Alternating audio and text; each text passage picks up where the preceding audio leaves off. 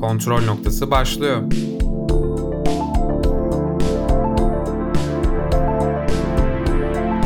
Hoş geldiniz. Kontrol noktasından herkese merhaba. Ben Görkem Öztürk ve bugün Volga Deniz Demirbağ ile birlikte Oscar 2020'yi konuşacağız. Başlamadan önce bizi dinleyebileceğiniz diğer yerlere kontrolpod.com'dan bakabileceğinizi hatırlatayım ve artık her podcast salı günü gelecek. Evet Volga, Oscar 2020'de genel olarak beklediğimiz şeyler pek olmadı. Şimdi kendi tahminlerimi de söyleyeceğim ve sen de tahminlerini söyle. Bazı şeyleri bildik ve bilemediklerimiz de oldu. En iyi orijinal senaryo Knives Out, Marriage Story, 1917, Once Upon a Time in Hollywood, Parasite. Sen ne alır demiştin? Ben bütün ödülleri 1917'ye göndermiştim Görkem ama... Ben de öyle yapmıştım. ya aslında Parazit'le 1917 arasında kaldım burada ama Parazit daha mantıklı bence. Parazit aldı zaten. Ben de buna Parazit alır demiştim kesinlikle. Çünkü filmdeki gerçekten o hikayenin dönüş noktasını hiç tahmin etmiyorsunuz. Ne olacak vesaire. Film gerçekten hikaye konusunda iyiydi. Ben de Parazit'i düşünmüştüm. Ve bu pek şaşırtıcı değildi aslında. Evet evet yani beklenen bir şeydi. En iyi uyarlama senaryo dalında da Irishman. Neden burada hiç bir fikrim yok. Jojo Rabbit, Joker, Little Woman ve Two Pops vardı. Ben Jojo Rabbit alır demiştim. Çünkü son zamanlarda izlediğim en özgün filmdi. İkinci Dünya Savaşı'nı bir çocuğun gözünden çok kara mizah şekilde anlatıyordu. Bence bu ödül gerçekten hak edilmiş bir ödüldü. Ben burada Irishman dışında diğerlerini izlemedim. Jojo Rabbit'i izle dedin kaç kere ama vakit bulamadım. O yüzden bundaki yorumum hani olmaz. ama Irishman'in olmaması gerektiğinde hemfikiriz bence. Ya biraz uyarlama konuları burada aslında muallak da. Yani Joker belirli bir çizgi romanın uyarlaması değil. Genel olarak çizgi roman karakteri olduğu için uyarlama dalına koymuşlar. Burada biraz tartışılır zaten. Ama en güçlü aday Jojo Rabbit'ti. Yabancı dilde en iyi film adaylarında ise diğer hiçbir adayı söylememe bence hiç gerek yok. Çünkü Parazit'in alacağını bunu biliyorduk. İsimlerini falan bile bilmiyoruz diğerlerinin. Kaliteliydi Parazit'te. Hatta çoğu insan şunu söylüyordu. En iyi filme de Parazit aday gösterildi. Yani en iyi yabancı filme de aday. En iyi filmi belli ki almayacak. En iyi yabancı filmi verecekler diyorlardı. Burada biraz şaşırdık. Ona birazdan değineceğiz zaten. Parazit şimdi öyle bir film ki aday gösterildiği her şeyi aldı sanırım. Biraz spoiler verdik ama. en başa Parazit'in kazandıklarını koydum kasıtlı olarak. Parazit toplam 4 ödül aldı. Gördüğüm kadarıyla yanlış saymıyorsam. En iyi yönetmen dalında Irishman Martin Scorsese, Joker Todd Phillips kesinlikle burada olmamalı. 1917 Sam Mendes, Once Upon a Time in Hollywood Quentin Tarantino ve Parazit vardı Bon Joon-ho ile. Bon Joon-ho ödülü aldı ki ben 1917 ile Sam Mendes alır diyordum. Ben de onu istiyordum ya. Ya 1917 biz çok fanatik bir şekilde seviyoruz seninle. Ya tamam Parazit de güzeldi ama 1917 bizi büyüledi Görkem. Ya burada bir de şöyle bir şey var. Ben evet belki 1917 almazsa Parazit'le Bon Joon-ho alır dedim. Ama kesinlikle o film çok daha zordu. Tek çekim gibiydi neredeyse. Ve bence en iyi yönetmeni o almalıydı. Onu işte görüntü yönetme, en iyi görüntü yönetmeni ödülüyle işte dengelemişler mi? En iyi görüntü yönetmeninde Irishman, Joker, Lighthouse ki Lighthouse'un tek adaylığı, 1917, Once Upon a Time in Hollywood filmleri vardı. 1917 ile Roger Dickens aldı. Ki ben de Roger Dickens alır diye tahmin ediyordum. Bence diğerlerinin yanına yaklaşamaz bile. Bir görüntü yönetmeninden beklenilmeyecek derecede yüksek bir performans. Ya Joker filmiyle ilgili benim düşündüğüm en olumlu şey görüntü yönetmenliğiydi. Film gerçekten kusursuz bir görüntü yönetmenliğine sahip ama 1917'de tabii tek çekim olduğu zaman oradaki görüntü yönetmenliği de ekstra bir zor yani. O yüzden 1917 gerçekten hak ediyordu. Lighthouse'u izlemedim ama Lighthouse'un da görüntü yönetmenliğini çok övüyorlar. Onu da söylemiş olayım. Ya Joker'in şanssızlığı yanında 1917'nin olmasıydı. Yoksa bu seriden 1917 olmasa Joker alırdı bence de. Pekala sıradaki dalımız ki açıkçası bunu tahmin ettiğini söyleyen herkes yalan söylüyordur. En iyi film. Ben buradaki bütün filmleri izledim. Ford vs. Ferrari, Irishman, Jojo Rabbit, Joker, Little Woman, Marriage Story, 1917, Once Upon a Time in Hollywood, Parazit. Ve Parazit aldı. Ve şimdi Parazit'in kazanacağını biz biliyorduk diyenler öncelikle bir ayrılsın. Çünkü gerçekten beklenmedik bir şeydi yabancı dilde en iyi film ve en iyi filmin ikisini de alması Parazit'in. Açıkçası Oscar'ın oylama sistemi çok eleştiriliyor zaten. En iyi film bu oylama sistemiyle en öne çıkamıyor diyorlar ve bu oylamayı veren akademi üyelerinin çok yaşlı olduğu da söyleniyor. Sansasyon peşindeler gene. Hani hem en iyi yabancı filme hem en iyi filme bunu verelim ve biraz insanlar şaşırsın diyorlar. Çünkü hiç kimse bunu düşünmüyordu. Parazit'i en iyi filmde görünce herkes elemişti yani en iyi yabancı filme de aday diye. Burada biz zaten ikimiz de 1917 demiştik. Yani beklemedik bir şey yaparak işte bir ters köşe dediğine ulaşmış olabilirler.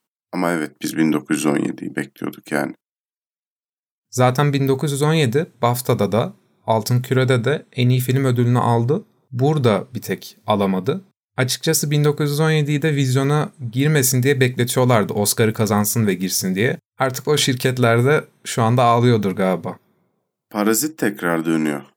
Parazit'i çok ucuza e, seanslarla tekrardan gösterime soktuklarını ben de gördüm. Reklam çıktı karşıma benim. Oradan gördüm tesadüf. Tabii ben de reklam bastım. Sen de bastın mı? Ha, çok iyi. Bu arada reklam parasını gönderdim Görkemciğim. Yarın ulaşacak, eline gelecek. Tamamdır Volga. Şey atlarla geliyor. Atlarla. Bundan sonra yolumuza katırlarla devam edecek. Tamamdır. O zaman ben de sıradaki adaylığa geçiyorum. En iyi erkek oyuncu. Bu beni çok üzen bir adaylık kategorisi. Şöyle bir şey var. Benim Hayır, hakim... önce ben söyleyeyim. Tabii ki Hayır. söyle. Önce Görkem'in çok sevdiği bir Joker tayfa var. Hayır. Bununla başlayalım istersen. Şimdi ben Joaquin Phoenix'i çok seviyorum aslında. Oyunculuğu da çok iyi ama ben sırf o Joker tayfa yüzünden Joker'le ilgili her şeyden nefret ediyorum galiba.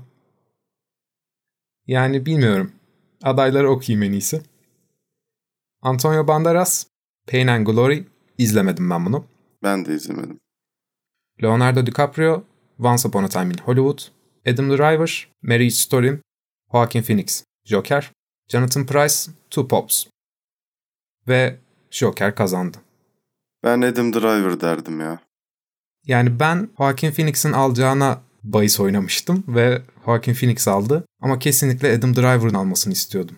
Ya tabii gönlüm benim de Adam Driver'dan ama Joaquin Phoenix'in alacağı. Aslında diğer adaylar çok güçlü adaylar ama oyunculuk performanslarını çok çıkartabilecekleri filmler yok. Ya o yüzden Joaquin Phoenix'e çok rahat gitti bu ödül. Bak evet mesela Adam Driver'ın oradaki doğal oyunculuğu, gerçekçi oyunculuğu onu biraz kısıtlıyor. Çünkü doğal olmak zorundasın. Ama doğallığı çok iyi yap, yapıyor orada. Ama Joaquin Phoenix Joker'de zaten yırtık bir şey daha fazla e, alanı var. Hareket için daha fazla alanı var. O yüzden daha fazla gösterebiliyor kendini. Aynen. Joker gerçekten çok Oscar'a gidebilecek bir performans. Yani nereye çekersen oraya gider. Kaotik bir noktaya çekebilirsin Heath Ledger gibi veya daha farklı psikolojik bir noktaya da çekebilirsin. Ya da tabii Jared Leto gibi çok dip bir noktaya da çekebilirsin. Yani evet çok ekstrem bir oyunculuğu yoktu ama ben yine de senaryonun daha büyük etkisi olduğunu düşünüyorum. Devam edelim. O zaman sıradaki adaylığımızla devam edelim. En iyi kadın oyuncuydu sıradaki adaylık. Ve buradaki isimleri aslında çok söylemeye gerek yok. En öne çıkan isim Scarlett Johansson'dı Marriage Story ile. Ama ödülü Renée Zellweger aldı Judy ile.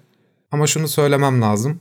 Nicole Kidman ve bu kadın Botoks'tan ötürü yasaklanmalı. Çünkü oyunculukları gözükmüyor. Gerçekten. ben izlemedim Judy'yi. Ben de izlemedim bu arada. Yani çok ön yargılıyım ama gerçekten çıktı ve konuşma yaptı. Çok uzun bir konuşma yaptı. Hiç yüzü kıpırdamıyor muydu? Evet gerçekten yüzü kıpırdamıyor. Nicole Kidman gibi hiçbir şey anlaşılmıyor. Bir Ajda Pekkan değiller. Bu arada şey Joaquin Phoenix de çıktı ve konuştu. Gördüğüm en samimiyetsiz konuşma yaptı galiba ya. Bak Joaquin Phoenix nasıl çıktı biliyor musun? Hiç sevinmedi. Biraz şey yaptı hani. Utanıp stresli gibi gözlerini kaçıran bir konuşma modunda kekeliyor gibi. İşte 200'lüyüz, doğaya değer vermiyoruz, çocuklarımızın mirasını çalıyoruz, çevreyi korumuyoruz. Bu tarz bir konuşma yaptı. Ben de onu anlamıyorum ya. Çıkıyorlar böyle daha fazla insan ulaşabilecekleri yerlerde savunmadıkları şeyleri savunuyorlar. Sinir oluyorum ya. Kendi de galiba öyle bir şey dedi. İşte hepimiz önem verdiğimizi söylüyoruz ama 200 yüz tarzı bir şey dedi. Ben çok samimi bulmadım. Zaten en iyi kadın oyuncuyu alan Rena Zellweger da çok süreyi doldurmak için konuştu açıkçası. İyi o zaman en iyi yardımcı erkek oyuncu. En iyi yardımcı erkek oyuncu da Brad Pitt kazandı. Once Upon a Time in Hollywood'la. Diğer adaylar Joe Pesci ve Al Pacino'ydu Irishman'la. Anthony Hopkins Two Pops'la ve Tom Hanks vardı A Beautiful Day in Neighborhood'la. Yani hak eden bence Anthony Hopkins'ti ama o takmadığı için törene bile gelmemiş. Ya oğlum onlar ihtiyar heyeti ya. ya oyunculuğuna hiçbir şey diyemem hala harika oyuncular. O ayrı mesele de adam bu saatten sonra ama verseler ne olur vermeseler ne olur diye düşünmüş olabilir. Ya Anthony Hopkins hak ediyor ama ona vermezler. Çünkü zaten onun Oscar'ı var ve umurunda da değildir yani. Adam artık çok yaşlı. Oyunculuk kısmında gelebileceği her yere gelmiş. Umrunda değil yani adamın. Ya da belki de hastadır yaşlıya. Bu nasıl bir genelleme? Joe Pesci de has şey hastadır. Yaşlı. Ya dalga Joe Pesci de gelmedi.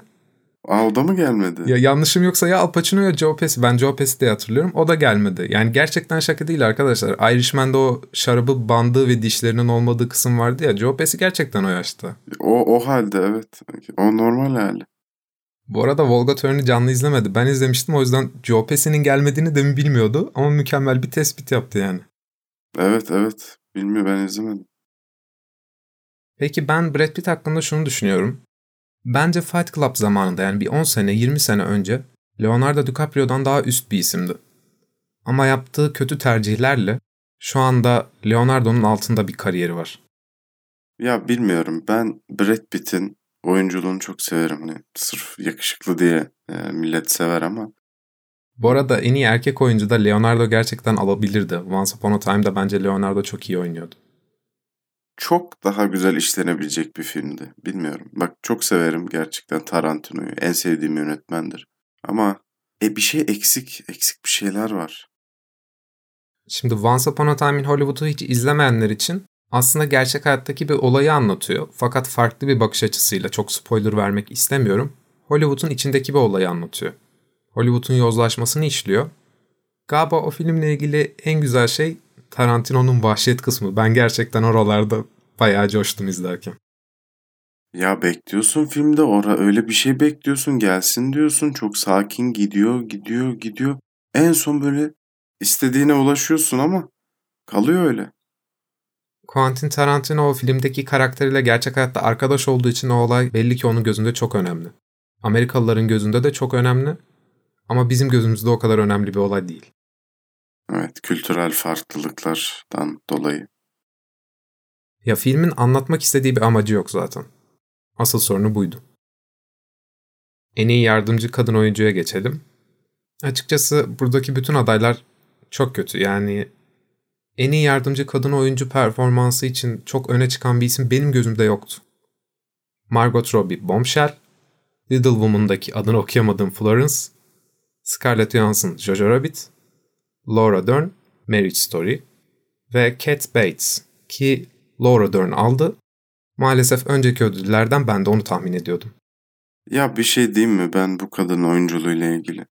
Böyle ağzı laf yapan bir kadın çevirsen, koysan, Laura Dem'in Marriage Story'deki avukat rolünün tıpatıp aynısını hatta daha iyisini yapar. Ben adaylıkları belirleseydim Laura Dern'ü koymak aklımın ucundan geçmezdi. Benim de aklımın ucundan geçmez. Senin ne neden Oscar alırsın ki bunun için? Önemli biri de değilsin ki sen o filmde o kadar. Şimdi ben buradaki filmlerden, diğer filmlerden sadece Jojo Rabbit ve Little Woman'ı izledim. Yani Scarlett Johansson'ın da tamam Jojo Rabbit'te çok Oscar'lık bir performans olduğunu söyleyemem. Ama kesinlikle Laura Dern'den daha iyiydi. Şimdi yardımcı erkek oyuncu dediğimizdeki Brad Pitt filme baktığımız zaman önemli bir rolü var aslında. Burada yani ben yardımcı oyuncu bile demem yani anladın mı? Figüran derim. Çok abarttım ama ben yeterli bulmuyorum ya. Scarlett Johansson çok ilginç aslında. Bu sene hem Endgame'de oynadı, popüler kültür bir şey. Jojo Rabbit de yardımcı kadın oyuncuyla aday ve Marriage Story'da da oynadı. Bence gerçekten kariyerinin çok önemli bir noktasında Oscar'ı falan bir iki sene sonra alabilir. Alabilir. O durum bana her zaman çok garip gelmiştir. İlk defa Michael Fassbender'ın vizyonda 3 tane filmini birden gördüğümde çok garip gelmişti. Ya bence ama Scarlett'in artık Endgame'den sonra Marvel işlerinden çıkması gerekiyordu. Devam ediyor şu anda. Orada bir yanlış yaptığını düşünüyorum. Black Widow. Artık bir de yaşlanıyor ya. Ya ayrıca o Marvel filmlerinde ya. de harcanıyor. Bu bir gerçek. Evet bak işte orada biraz daha dediğin gibi sanat filmlerine yönelse Oscar'ı alır. O zaman sıradaki adaylıkla devam ediyorum. En iyi kurgu Ford v Ferrari, The Irishman ki kesinlikle aday olmaması gerekiyor. neden var yine soruyoruz. Gerçekten. Ya Irishman'ı zaten almayacağını herkes biliyordu. Diğer adaylar ise Jojo Rabbit, Parazit ve Joker. Ki Ford v Ferrari aldı. Ben de öyle tahmin ediyordum. Parazit'in ve Irishman'in burada olmasının bir önemi yok bence. Katılıyor musun buna? Burada zaten Ford v Ferrari dışında diğer hiçbirinin şansı yok. En iyi kurgu deyince insanlar şunu düşünüyor. Filmde diyelim bir zaman atlaması var. Geriye dönüyor. O filmin akışı çok hoşlarına gidiyor. Buna diyorlar ki en iyi kurguyu alır. Bu aslında en iyi senaryo kurgusu. En iyi kurgu ise kesmelerin, sahnelerin birbirine iyi bağlanması. Yani bir yılın kopuk parçanın bir bütün gibi gözükmesi. Şimdi bence burada Irishman'in olmasının sebebi o karmaşık, ilerili gerili anlatımıydı. Parazit'te zaten düz bir anlatım. Hani çok kurgu üzerine yoğunlaşan bir film de değil. Şimdi Ford v Ferrari evet mantıklı aslında düşündüğün zaman olabilir yani bu seçenekler arasında. Bence en mantıklısı o. Ford v Ferrari şöyle bir film. Yarış filmi ve gerçekten kimin kazanacağını son dakikaya kadar tahmin edemiyorsunuz hissini vermesi lazım. Bunu başarıyor. Ayrıca yarıştaki o bir yığın farklı açıdaki sahneyi de çok güzel bağlıyor. O açıdan hak ediyordu. Irishman ile ilgili ise yani şu ne kadar başarısız olduğunu anlatıyor. Filmi çıktığı zaman insanlar dizi gibi bölümlere böldü ve Twitter'da yayınladı bunu. Evet benim bile birkaç tane arkadaşım söyledi yani. 5 günden önce bitirdik diyen oldu. Sabah başlayıp kesip 3'e bölüp akşam bitiren, sonraki gün bitiren. Martin Scorsese'nin de bence artık yaşlandığını en iyi gösteren film. Çünkü güzel bir film olabilir ama 2020'de hızlı tüketmeye alıştığımız bir yılda artık çok eski kafa kalıyor.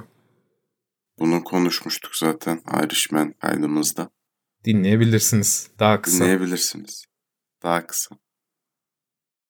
O zaman sıradaki adaylıklara geçiyorum.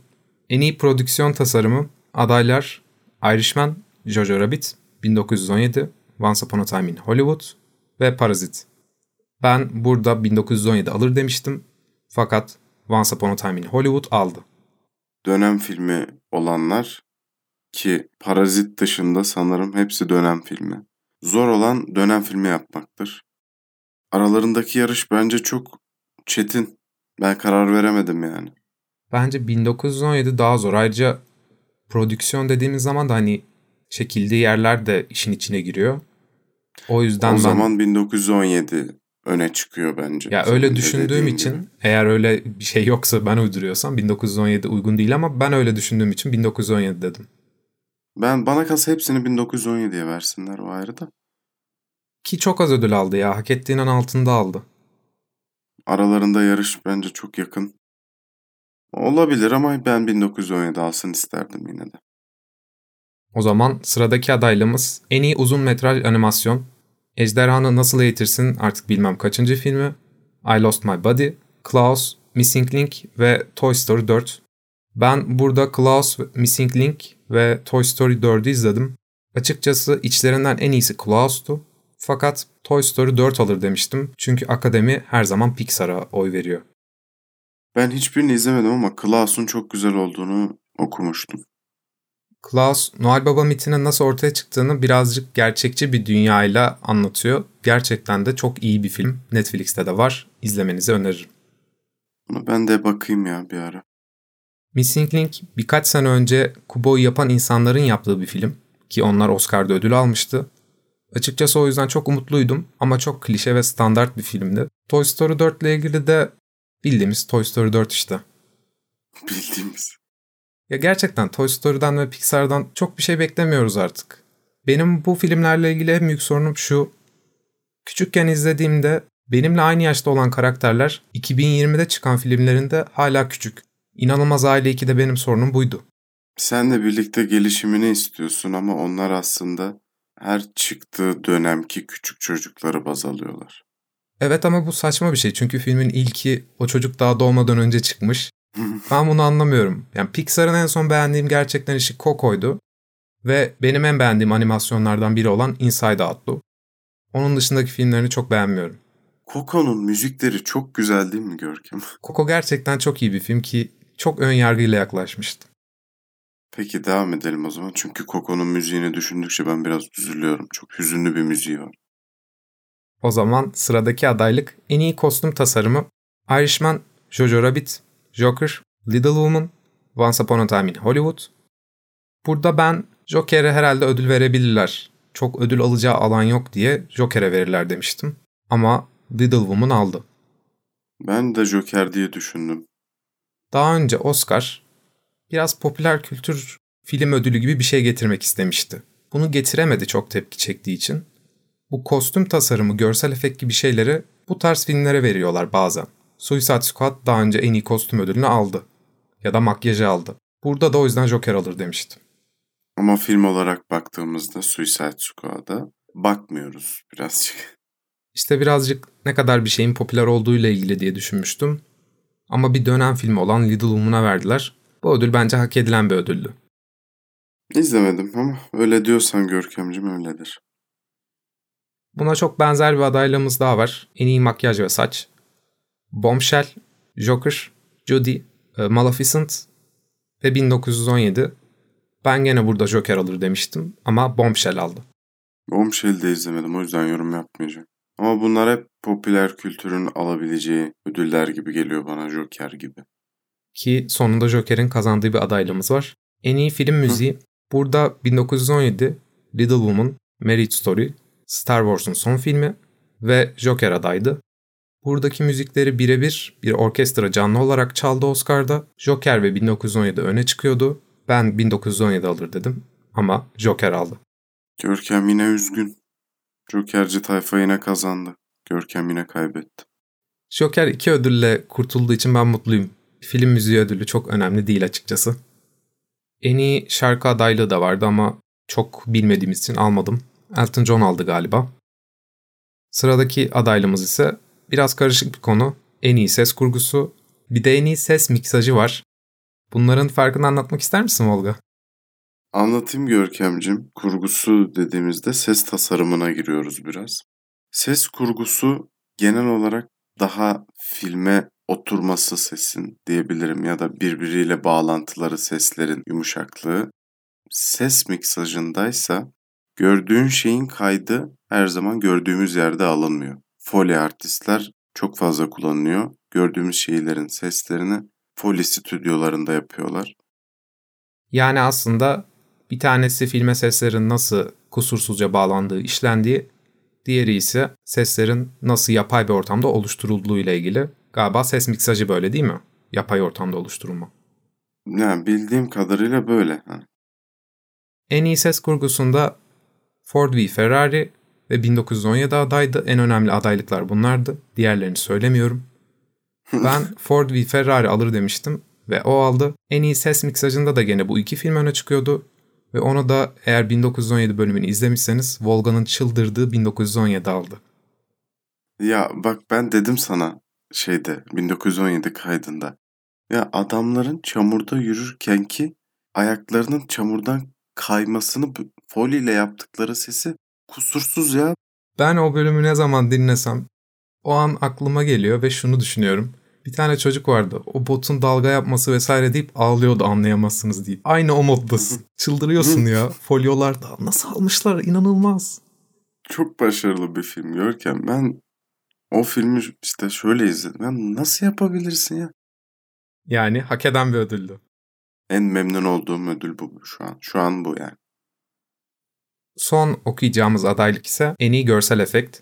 Avengers Endgame, Irishman, Lion King 1917 ve Star Wars'un son filmi adaydı.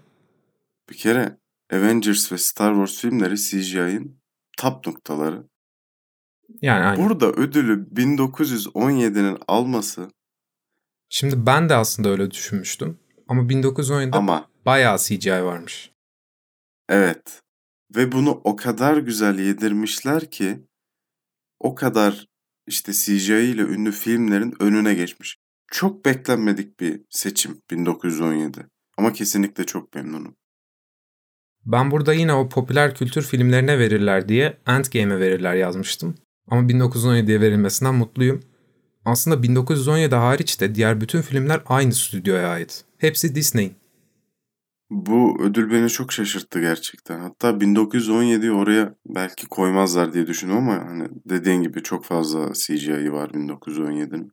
1917'yi izleyin. Benim burada kızacağım sadece bir şey var. Aslan Kral burada aday ya. Aslan Kral'ın tekrar çekilmesinin mottosu da zamanında animasyon yaptık. Şimdi gerçek live action yapacağız. O live action değil yani biz sadece yeni bir animasyon izliyoruz. Ya izlemedim. Yani merak da etmedim açıkçası yani. Gerçekten. Ben bunu anlamıyorum. Yaptığın şeyi niye tekrar yapıyorsun? Bırak orada kalsın. Disney gene Pixar gibi kolaylığa kaçıyor. Aynı şeyi ısıtıp tekrardan çok iyi bir görsellikle önümüze sunuyor. Görseli çok iyi diye de aa millet böyle kafa yiyor. Ben karşıyım buna. Üşengeçlik bence ya. Bilmiyorum. Yaratıcı düşünüp yeni şeyler üretmek varken. Şimdi benim son olarak Oscar'ın geneliyle ilgili söylemek istediklerim var. Akademi üyeleri her sene çok az izleniyoruz. İlgi azaldı. Programı kısaltalım diye ağlıyorlar. Bence çok izlenmek istiyorlarsa o reklamları kısaltsınlar. Gerçekten bu kadar reklam basılmaz. Bir de o iğrenç, utandırıcı şakaları bıraksınlar ya. Ne yaptılar biliyor musun Olga? Cats filmindeki gibi insanları giydirdiler ve öyle ödül verildi. Yani adam elini falan yalıyor ödülü verirken. Böyle o kadar iğrençti ki insanlar sadece zorunlu olduğu için gülüyor. Nasıl katlandın o zaman hiçbir fikrim yok ama. Gerçekten çok kötüydü. Bir de Elton John'a falan şarkı söylettiler. Eminem'e Lose Yourself söylettiler. Zamanda galiba söyleyememiş. Yani Billie Eilish falan çıktı sonunda da o tarz insanlara söyletsinler çok izlenmek istiyorlarsa. Gerçekten çok dedebe insanlar ya. Dede Bey ne oğlum? Hayatımda ilk defa duyuyorum o kelimeyi. Beyefendinin Tamam, dede beyi bey. ve dede. Ben senden de ilk defa duyuyorum. İşte dede bey o kadar eski bir kelime ki sadece Oscar'dakilere gömmek için kullanıyoruz Olga. Hani Sadece Joe Pesci için. gerçekten evet. Son olarak en sinirlendiğim şey şu. Kalkıp YouTube'da adam gibi canlı yayınlamıyorlar. Böyle paralı izlenebilir yerlere satıyorlar vesaire. Tabii yani az izlenir. 2020 yılında aç YouTube'dan, Twitch'ten canlı yayın izleyelim. Para da kazanırlar. Donate atayım da sussunlar. Para Donate. kazanamıyoruz diye. Bu arada Oscar ortamı da hiç düşündüğümüz gibi elit değil yani. Kırmızı Halı'dan diyelim Brad Pitt geçiyor. Kameramanları yığmışlar. Bildiğin magazin kanallarımız gibi Brad bana baksana şşt falan diye bağırıyorlar. Şibret. Gerçekten öyle. Ya. Gerçekten öyle. Ben izlerken utandım yani. Hiç düşündüğümüz gibi değil. Bu En bölüm uzun kaydımız bu oldu Görkem. Farkındasın. şu anda 51 dakika oldu ve yani ben bunu kurgulayınca ne kadar inecek bilmiyorum ama ağlıyorum şu anda gerçekten. Hadi bitirelim. Görkem bütün komik yerleri kesiyor. Normalde bu kadar ciddi olmuyor yani. Şunu bir açıklığa kavuşturmak istiyorum. Birds of Prey bölümünde Volga'yı gerçekten ben silah zoruyla konuşturtmadım. Ve o bölümde çok konuşsun diye pas attım. Ama o kadar yorgundu ki konuşmadı ve 30 dakika falan kestim neredeyse. O kayıtta ben o kadar yorgundum ki hayatımda hiç o kadar yorgun değil olmamıştım. Yani o yüzden komik yerler kesildi. Bunun benim bir önceki bölümümüzde kötü konuşmamla hiçbir alakası yok senin genel olarak kaç bölümdür komik yerlerimizi kesmenle. Hayır. Hiçbir alakası yok. Hayır öyle. Hayır. Sus. Arkadaşlar sıradaki bölümü Volga kurguluyor. Ee, evet ayrıca Hayır. Hayır. ayrıca Hayır. ayrıca bölüm çok uzun olduğu için Volga'nın artık şarkı önerme zamanı bence geldi. Evet Volga'cığım şarkını alalım. 2020 yılında umarım Lose Yourself önermezsin bize Oscar gibi. Yok canım öyle şeyler yapmam. Joe Pesci miyim ben? Bob Moses'tan Tearing Me Up. O zaman bir sonraki bölümde görüşmek üzere. Bölüm çok uzadı. Kontrolpod.com'a bakmayı unutmayın. Görüşürüz. Görkem hemen kapatmak için uğraşıyor çünkü çok uğraşacak. İki günde kurgulayacaksın bak. Şimdi ben Volga'nın yerine de görüşürüz diyeyim. Görüşürüz. Kontrol noktası sona erdi.